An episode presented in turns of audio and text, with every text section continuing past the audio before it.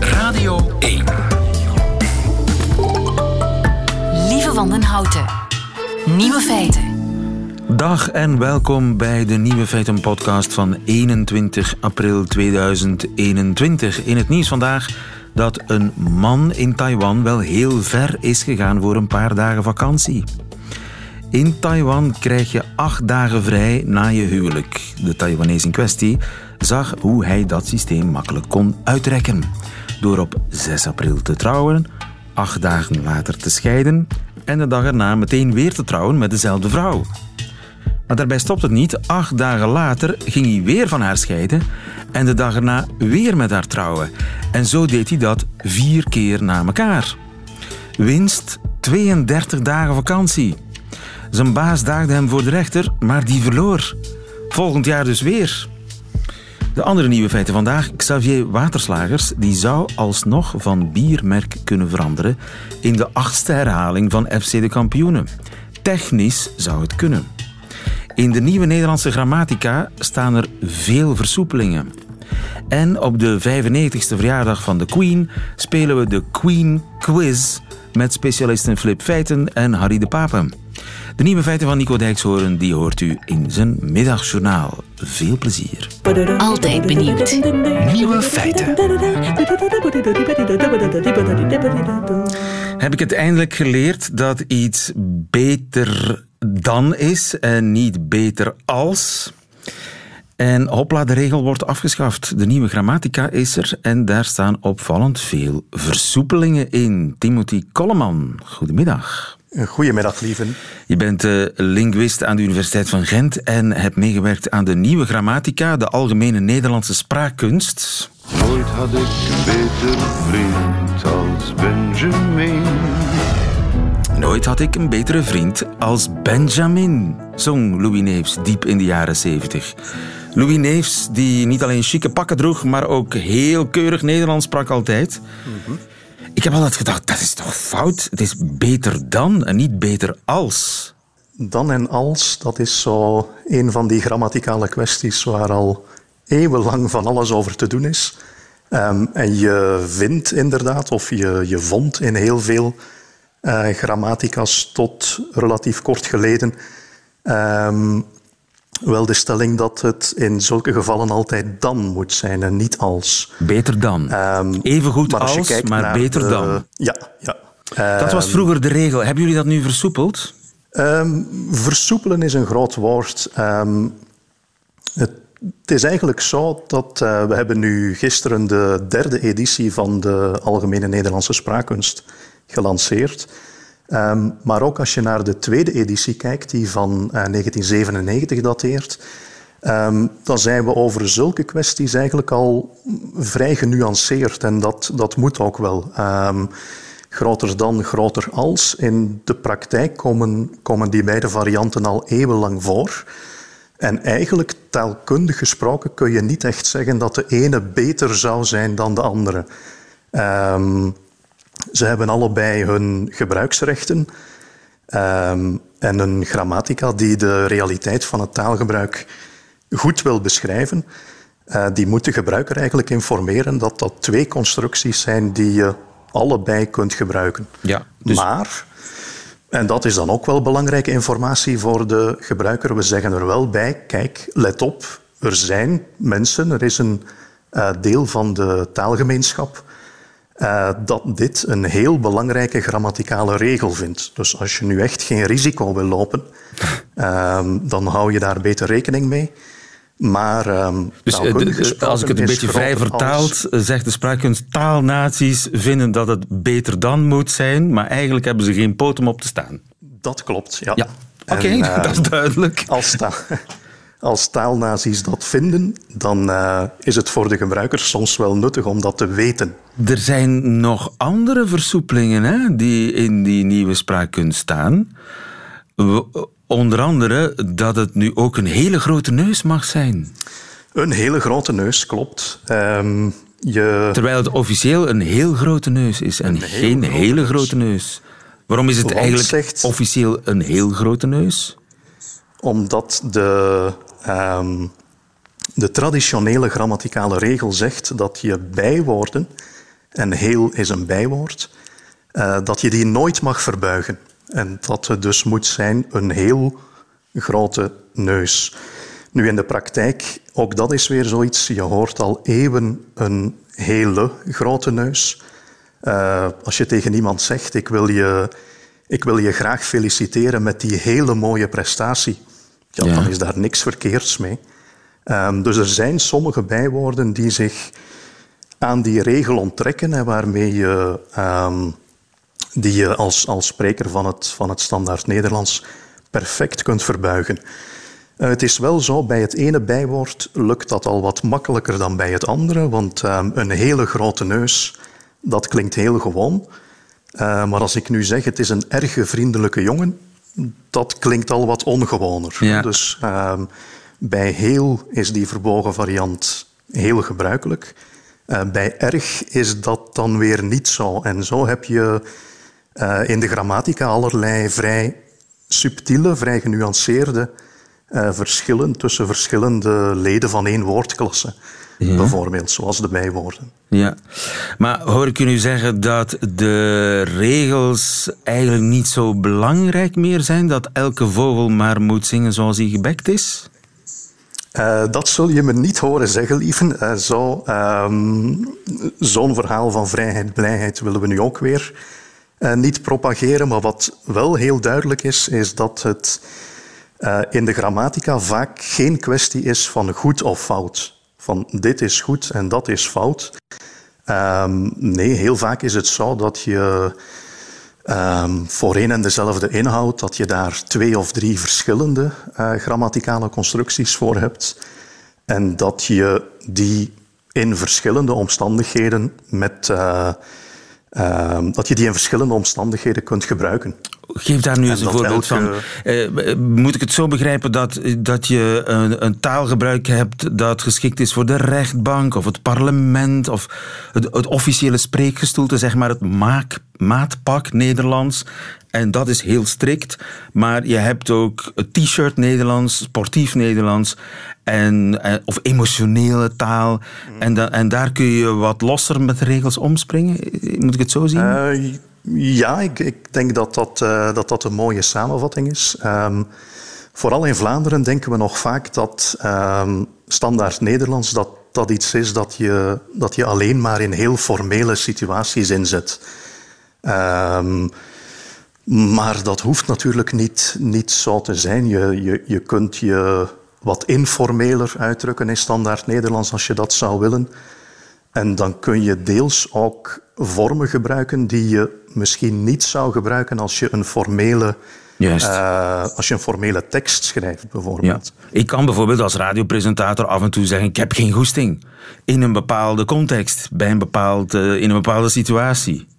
Dat kun je inderdaad maar als ik, de, eerste, als ik de, de, premier zou interviewen, zou, zou ik dat niet zeggen. Dan zou je dat wellicht niet doen. Ja, en maar wij Vlamingen zijn daar we... bang van, hè, van dat t-shirt Nederlands. Wij willen eigenlijk nee. altijd... We denken, Nederlands dat is een maatpak.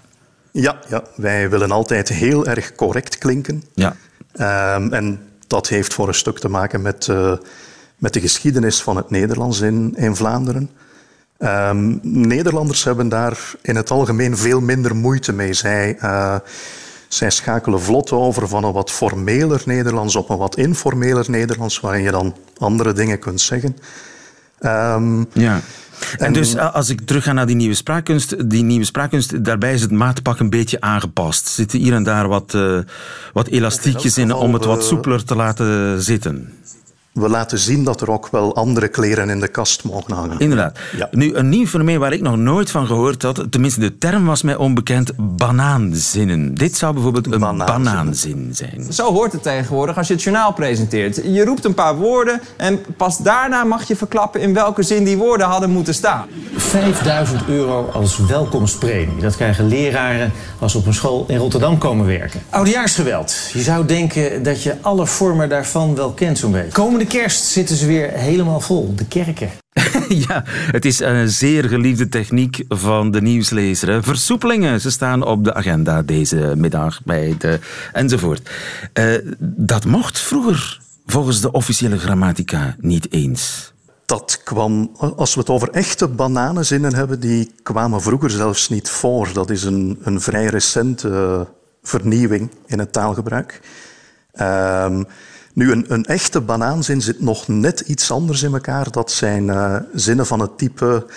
Uh, de muziek van Prince krijg ik nooit genoeg van, bijvoorbeeld. Of um, bier hou ik niet zo van.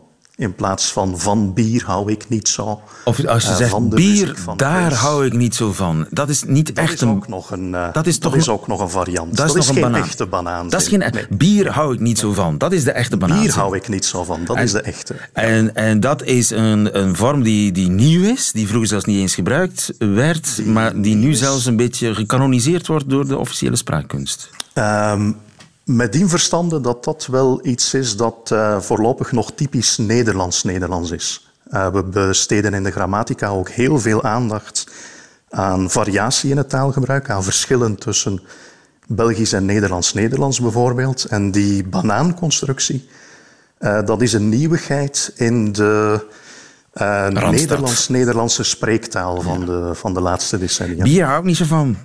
Inderdaad, als een Vlaming zou dat niet zo, uh, niet zo onmiddellijk zeggen. De... Misschien komt dat ooit nog, maar dat, dat weten we niet. Ja. Taal, het is een uh, levend iets. Timothy Kolleman, dankjewel. Goedemiddag. Graag gedaan.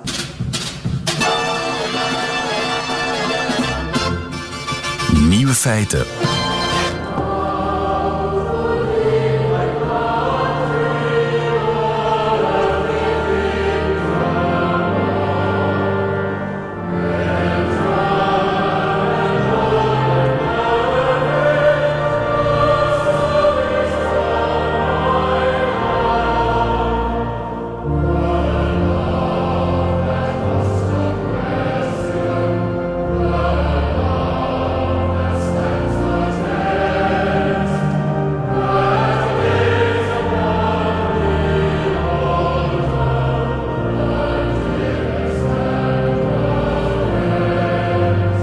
Vow to Thee, My Country. Het koor van Westminster Abbey. En we spelen het speciaal voor de Queen, die vandaag 95 wordt. Een 95e verjaardag in mineur, want een uh, blijde dag is het niet. De koningin is in rouw, zag u haar zitten, eenzaam weggedoken. In haar uh, koorbank, helemaal alleen onder die enorme zwarte hoed. Angstig kijkend bijna. Vorige zaterdag op de begrafenis van uh, haar gemaal, prins Philip. Een beeld zegt uh, meer dan duizend woorden. Maar om haar enigszins op te vrolijken op haar verjaardag... spelen we vandaag niet de traditionele woensdagquiz van Nieuwe Feiten... maar de Queen Quiz. Nieuwe Feiten. De grote Queen Quiz. Sorry. De grote Queen Quiz. Met wie kunnen we die anders spelen dan met Flip Feiten? Goedemiddag. Goedemiddag, ik ben even gaan rechtstaan bij eh, dat, dat hoort zo, dat hoort zo. Het is je geraden, Queenkundige van de VRT. Goedemiddag ook Harry de Pape. Goedemiddag, ik ben nog traantjes aan het wegpinken, excuseer. Je bent nog een traantje. Ik, ik, het is ook emotioneel, hè? Het was ook echt emotioneel ja. om haar te zien. Uh, Harry de Pape, beroeps-anglofiel, mogen we toch wel zeggen. Ik uh, nodig jullie uit voor een uh, regelrechte catfight onder queenkundigen. Mm -hmm. Jo de Poorter is overigens verontschuldigd, want die zit bij de tandarts. Mm, ah. Ja. Ja, mm, how very convenient. Ja, ja. De catfight is al begonnen. Jullie spelen... Flip toch, flip toch. Jullie spelen voor een prijs. De hoofdprijs is een officiële theedoos. Oho. Oh. De Queen's 95th Birthday Tea Caddy met inhoud. Uh, het design is geïnspireerd op het terras, het oostelijke terras uh, van Windsor Castle. De Rozen. Mm. Het is een prachtig ex oh. exemplaar. Een theedoos. Jullie krijgen elk drie vragen waarvan Aha. er één bedacht is door jullie tegenstrever. Dus jullie hebben elk voor elkaar een vraag uh, ja, bedacht. Onze jury is zoals steeds Gilles. Goedemiddag, Gilles. Hallo. Hallo. Jij gaat de punten uitdelen en de goed-fout jingle geven die speciaal is aangepast. Yes, yes. Laat eens horen. Wel, dit is de goede jingle. Yes. Yes. Yes. Dat is de En- Queen zelf. Dat is, dat is de Queen, uiteraard. Prachtig. en dan mocht een van onze Queen-kenners het fout In hebben... the unlikely event. Yes, dan hebben we dit. Extremely painful. Extremely painful. Mooi. Jullie zijn er klaar voor. Laten we beginnen. Flip, Ja. vraag 1 is voor jou. Elizabeth II wordt vandaag 95, maar dat is in het Verenigd Koninkrijk niet de officiële verjaardag van de vorstin. Wanneer wordt die gevierd? Waarom Eh, en sinds wanneer? Eh, Oeh, dat is eh, veel. In juni. Ehm want dan die is het beter weer. Ja, eh, als ik mij goed herinner, de tweede zaterdag of zoiets. Eh, in elk geval. Oké. In, in, eh, dan, dat wordt eh, gevierd met een heel grote parade. Trooping the Color. Waarbij eh, de color eigenlijk de vlag betekent. En trooping is eromheen lopen. Dat is ontstaan tijdens grote gevechten. Ah, eh, als, als er grote verwarring ontstaat en de troepen moeten gehergroepeerd worden, ja, dan, moet je, dan moet je de vlag herkennen. En dus voor een strijd werd die vlag geparadeerd rond de troepen. Trooping the color. En, Maar- maar eh, vol- volgens mij had je de vraag al goed. eh, Ja, ja, Ja, oké. De, de tweede zaterdag van Ik juni, stop dat al, klopt. De al. tweede zaterdag van juni klopt. Ja. Eh, maar Ja. weet je ook sinds wanneer dat zo wordt gevierd? Ik denk ergens ehm, dat Edward de Zevende dat moet ingesteld hebben. De, de koning na Victoria. Klopt dat? Of is het nog vroeger? Ja, het heeft wel met Edward... eh, met, nee, sorry. Nee, eigenlijk niet.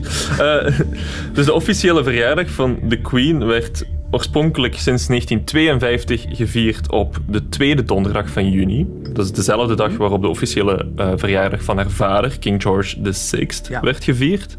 En zeven jaar later, in 1959, hebben ze het naar ja, de zaterdag verplaatst. Want een zaterdag is toch iets praktischer. Oké, laten we dit goed rekenen, Gilles. Ja. Yes. Vraag 2. Harry, dit wordt een lange quiz. Ik, ik geloof dat dit een hele lange quiz wordt. Harry, Ja. de Queen Ja, heeft luister. tijdens haar bewind onnoemelijk veel gereisd. We kunnen er een land naast zitten, maar volgens de laatste telling bezocht ze 128 landen. Eén EU-land sloeg ze over. Welk en waarom? Eén EU-land sloeg ze over. Nou, dat is een moeilijke. Ja, dat vind ik nu wel een moeilijke. En waarom? Even nadenken. Je moet wel Eh, snel antwoorden, niet idee. opzoeken. Ik niet weet het niet. Het spijt me. Ik, ik, nee, ik zoek niet. Ik weet het niet. Ik Extremely toe. painful. Extremely painful. De Queen neemt met de woorden uit de mond. Eh, weet jij het, Flip? ja, ik vermoed dat het Griekenland is. Yes.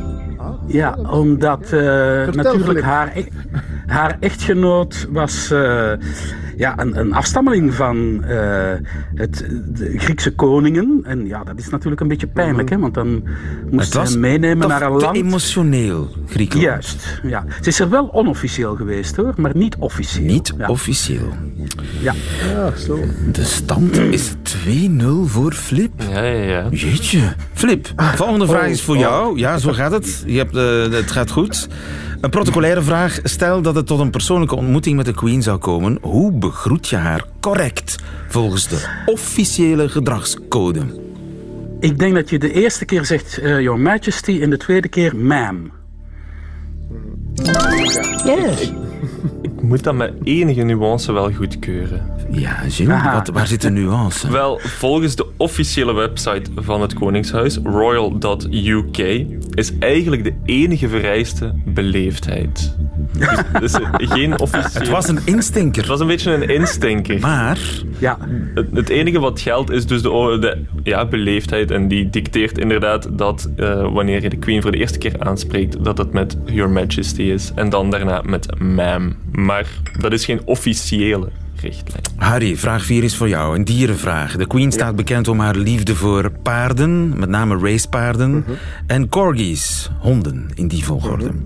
Minder bekend is dat ze nog een ander soort wedstrijddieren op nahoudt. Welke? Ja, duiven, hè. Duiven. Een duivenmelkster. De Queen is een duivenmelkster. Ja. En hoe zit dat? ooit cadeau van Leopold II. Leopold II heeft ooit cadeau gegeven, want niet vergeten, onze royals zijn familie van de Britse royals. En in de 19e eeuw gaf Leopold II als cadeau eh, re- eh, eh, wedstrijdduiven. En sindsdien houdt de koninklijke familie van Engeland wedstrijdduiven. Correct helemaal. geantwoord, klopt helemaal. De stand is 1-3. Ja, correct. 1-3 voor Filip. Eh, we hebben nu nog ja, de, de vraag van Harry. Harry je had een vraag voor Flip. Ja, ehm Flip, ben je er klaar voor? Ja. Jij hebt een heel boek geschreven over haar, dus ik voel me een klein beetje in het, in het nadeel. Maar goed. Gewoon, nee, Flip, je bent mijn meester, ik geef het al toe. Ja, je bent ja, mijn ja, meester. Maar goed, licht, licht remember? uit, spot aan, Flip. Sinds 1982 doet er in Buckingham Palace s'nachts een politieman dienst bij haar slaapkamerdeur. Maar op haar verzoek draagt die man iets specifieks. Wat en waarom? Eh, ik denk dat het om sokken gaat. Eh, zodat hij geen lawaai maakt als hij... Extremely Ah, painful. Extremely painful, het want zijn- ja, correct is correct. Wat zijn het? Ja, het zijn pantoffels. Ah, ja.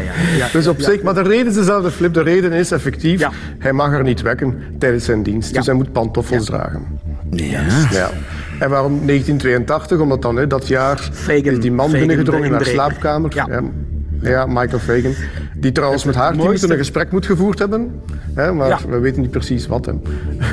Het mooiste vind ik dat toen eh, er na minuten eindelijk eh, iemand van de huishouding naar binnen stormde eh, en die man daar zag zitten. Zijn eerste opmerking was tegen de inbreker.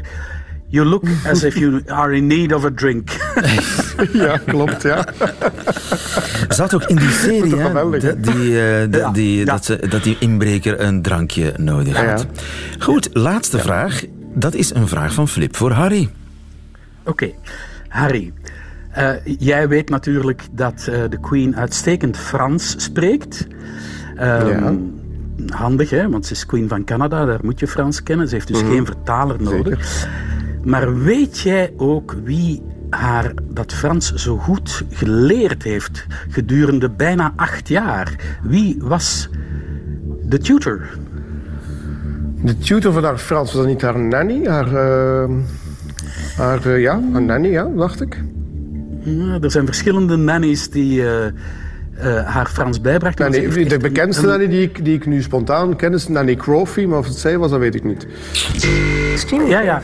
Nee, Ja. nee, nee. Het, eh, het was een Belgische, eh, heb ik gevonden. Marie-Antoinette, ehm, ik moet het zelfs even nakijken, de Bellègue. Eh, ze, wa- ze, Ah. Nee, Willema, ja. Ehm, Het wordt terug. De, eh, parate kennis was het niet, Flip. Geef toe. nee, ja, maar het sta, volgens mij staat het wel in zijn boek, maar, maar Het via... staat Nee, in het staat er niet boek, in. Nee, nee, staat er niet in. Ah, nee, het staat er niet in. Ik heb over Nanny Crawford gesproken, niet over die Nanny eh, die Belgische. Oké. Ah, ja. Hoe dan Maar ook. die heeft dus... die- heren, die heeft, eh, heren, ja. hoe dan Ja. ook.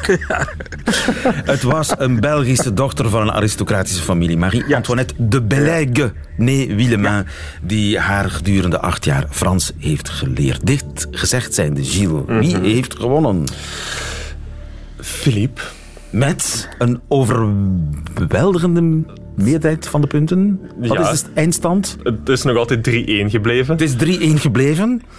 En dat is toch wel een duidelijke eh, winnaar. Flip Feiten, gefeliciteerd. Dank u wel. Wel verdiend, wel verdiend. Maar Harry heeft het echte boek geschreven natuurlijk over Ja. de Queen. En eh, ik hoop dat de Queen zelf een beetje genoten heeft van deze quiz. Radio 1. Nieuwe feiten.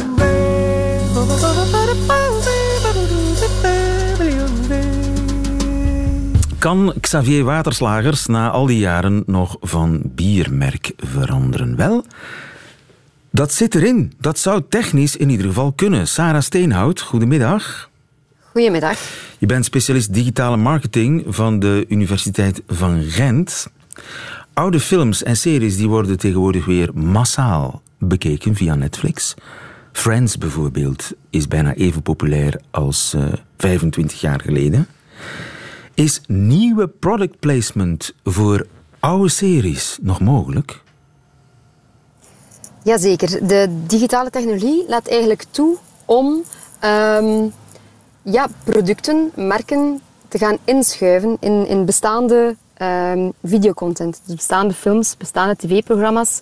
Ehm, kan een ja, beelden gaan toevoegen zonder dat het eigenlijk zichtbaar is voor, ja, voor, voor de kijker. Ja, met de nieuwste technieken, digitale technieken, kun je eh, een, ja, een ander merk op een fles plakken. En dat valt dan niet op. Dat klopt. Dat klopt. Er zijn een aantal bedrijven die daar ondertussen in gespecialiseerd zijn en die het ook gaan, gaan toepassen. Dus op die manier kan je echt ja, naar virt- virtuele product placement eh, overstappen en kunnen oude films gebruikt worden daarvoor. Ja, want ik, volgens mij was Romy Pils de sponsor van FC de Kampioenen. Dus in theorie zouden we Xavier kunnen laten overschakelen op Stella. In principe zou dat kunnen, ja. Mochten de contracten dat toelaten natuurlijk. Hè? Want ik weet niet wat er in die contracten staat. Misschien zit daar een einddatum op, misschien niet. Klopt, en, en dat is natuurlijk het, het verschil. Of, je hebt verschillende ehm, manieren, types van product placement. Product placement kan onbetaald zijn. En dan gaat het eigenlijk over ja, een, een toevalligheid dat een bepaalde ja, persoon of in een bepaalde eh, film eh, gebruik gemaakt wordt van, van een merk. Ja. Ehm, Dus met gesloten ook- beurs. Dus je krijgt een auto, je moet er niet voor betalen. Maar die auto moet wel in beeld zijn, zoiets. Klopt, ja. Maar je hebt natuurlijk ook betalende contracten. Is dat merken echt gaan betalen om hun merk, hun product, eh, zeer visibel te laten overkomen in een film, in een tv-programma. En dan ja, gaat het er, ja, is de uitdaging van ja, hoe lang lopen die contracten en kan men daar vandaag eh verandering in brengen. Maar het kan ook zijn dat eh, in bestaande films ehm, producten niet worden ingesloten. Dus dat het zelfs niet gaat over het gebruik van een bepaalde drank, maar dat er billboards worden eh, anders ingevuld. Echt wel pure reclameborden. Het zijn twee verschillende manieren om eigenlijk een, een product, een merk, naar voren te schuiven Ja. eh, al in de vorm van product placement. Dus een reclamebord dat dan ergens op de achtergrond in het straatbeeld verschijnt. Klopt, ja. En dat, kan kun je dus ook en dat kan je ook gewoon vervangen. Maar laat dat toe. Ja, de, te- oh, de technologie is zo verfijnd dat je dat echt niet ziet. Je kunt dat helemaal, het is niet alsof je, dat je echt ziet dat daar hangt een sticker op. Nu, je moet wel opletten, want als je bijvoorbeeld een, eh, een Twix in een film uit de jaren 70 moffelt, ja, toen heette dat nog Raider, hè? Klopt, je hebt daar... Je kunt zo ehm, ik raar denk dingen dat het, tegenkomen dan op die manier. Ja, en, en authenticiteit gaat daar toch wel een, een, belangrijke, een belangrijke uitdaging worden. Zoals dat je hier het voorbeeld aanhaalt van Twix en, en Radar. Het, het moet wel geloofwaardig overkomen. eh zodat het ook niet opvalt dat dit getruckeerd is. Ik denk een van de voorbeelden ook waar je je vraag kunt bij stellen, komt dit nog authentiek over? Is, ehm, je hebt het ook aangehaald in je, in je introductie, James Bond films zijn eigenlijk de films bij uitstek waar dat heel veel product placement is, is toegepast. Tot 30 product placements in één film. Ehm, de film Skyfall, daarin hebben ze geopteerd om eigenlijk het favoriete drankje van James Bond eh, te vervangen. En dat is reëel gebeurd. Dat gaat zelfs niet over virtuele eh, product placements. Maar ja, echte product placement, waarbij dat de, de favoriete drank van James Bond, eh, de martini, vervangen is door Heineken. Een Heineken-pils. Heineken heeft daar heel zwaar voor betaald, maar je kunt je natuurlijk wel de vraag stellen, komt dit nog authentiek over? Eigenlijk kan je de parallel trekken naar vandaag met virtuele, digitale product placements. Hoe ver komt dit nog echt reëel en authentiek over? En gaat men daar als kijker niet eh, ja, zich gaan aan storen? Ja. eh, En ga je dan en- ook nog en- het effect creëren? Ja, en de regisseur heeft die dan... Want je zou bijvoorbeeld ook Heineken kunnen gaan eh, aanpassen in oudere James Bond films. Dat zou in principe technisch mogelijk kunnen zijn. Ja, ik denk dat je daar dan eventjes moet gaan kijken in intellectual property rights, eh, wat daar de mogelijkheden zijn. Op zich heb ik daar niet in detail zicht op, maar moet, moet wel zeker gecontroleerd worden. Ja, want dat, Ja. Dat, dat maakt die film ook anders. Hè? Ik bedoel, een James Bond die geen eh, martini drinkt, maar, maar ehm, Hollandse pils, ja, dat, is, dat is een andere James Bond gewoon. Daar moet je als Klopt. regisseur toch ook een zeg in hebben, denk ik. Dus dat is Klopt, juridisch voor- toch nog een beetje wazig. Volledig akkoord. En ik denk dat we daar ook moeten kijken van, waarom doet men eigenlijk aan product placement? En dat gaat hem over het feit van, ja, je plaatst daar een zeker product in een zekere context. En, en daar krijg je een overdracht van waarden, associaties, die je eigenlijk als, als marketeer wil realiseren door jouw product in een bepaalde context te zetten. En ook een zekere doelgroep te gaan aanspreken. Eh, James Bond films, daar kan je ehm, de typische kijker van een James Bond film kan je gaan definiëren. Die heeft een zeker profiel die totaal anders is dan bijvoorbeeld de typische comedy-kijker.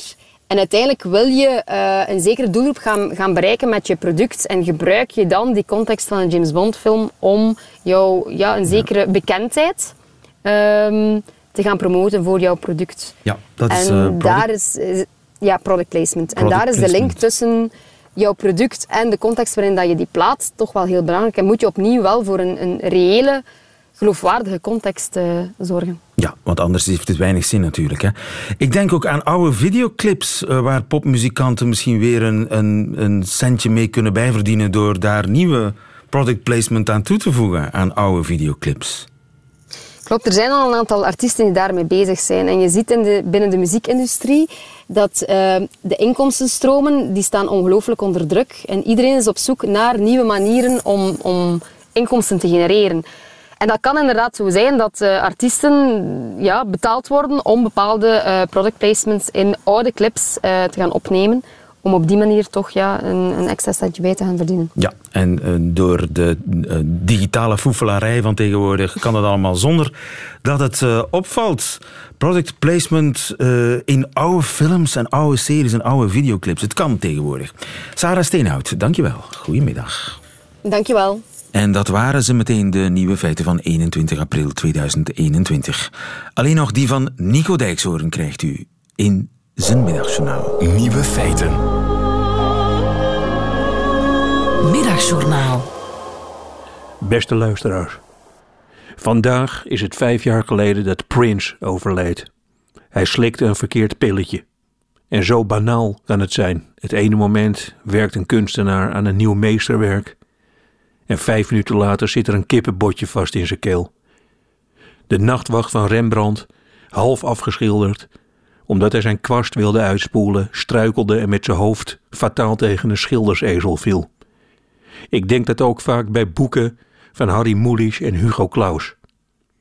Ze laten de planeten vlak boven hun hand draaien en zij duiden de tombola die leven heet. Maar twee verkeerde mosselen of een tram van rechts terwijl zij naar links kijken en het is afgelopen. Prins en dood voelde zo, alsof je een prachtig boek opeens uit iemands handen rukt. Ik moet hier ook wel eerlijk zijn, Prins had net een paar strontvervelende platen uitgebracht en hij krabbelde voorzichtig overeind. Hij was zoekende en we zullen nooit weten wat hij nou uiteindelijk nog allemaal zou hebben gevonden. Een van zijn zoektochten is vastgelegd op video. Prince speelt voor het eerst live het liedje Purple Rain.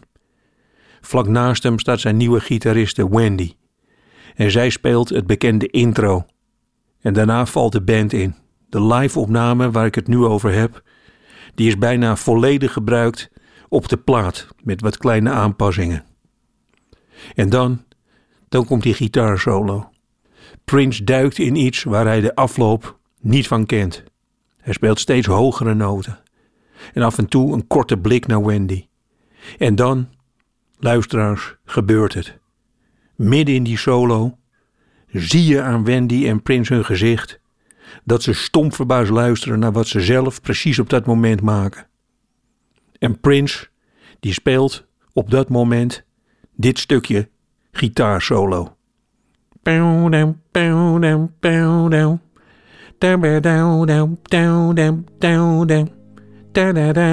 Enzovoort. Met een paar gierende uithalen er vlak achteraan. En zo herinner ik mij Prince. Niet als de zonderling die in een bunker vier liedjes per dag schreef en zijn muzikanten s'nachts opbelde om twee keer op een saxofoon te blazen. Maar als de man die met een gitaar in zijn handen vlak voor een publiek het onmogelijke probeerde aan te raken. Vooral Wendy, haar blik ontroert mij steeds weer. Ze staat naast haar vriend en ze ziet dat het hem eindelijk is gelukt.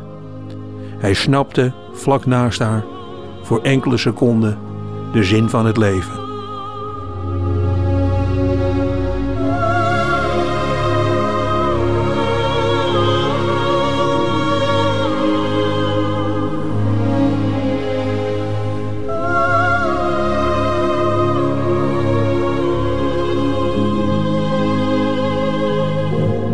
Feiten van Nico Dijkshoorn in zijn middagjournaal. Einde van deze podcast. Hoort u liever de volledige nieuwe feiten met de muziek erbij? Dat kan natuurlijk via onze site of via onze app.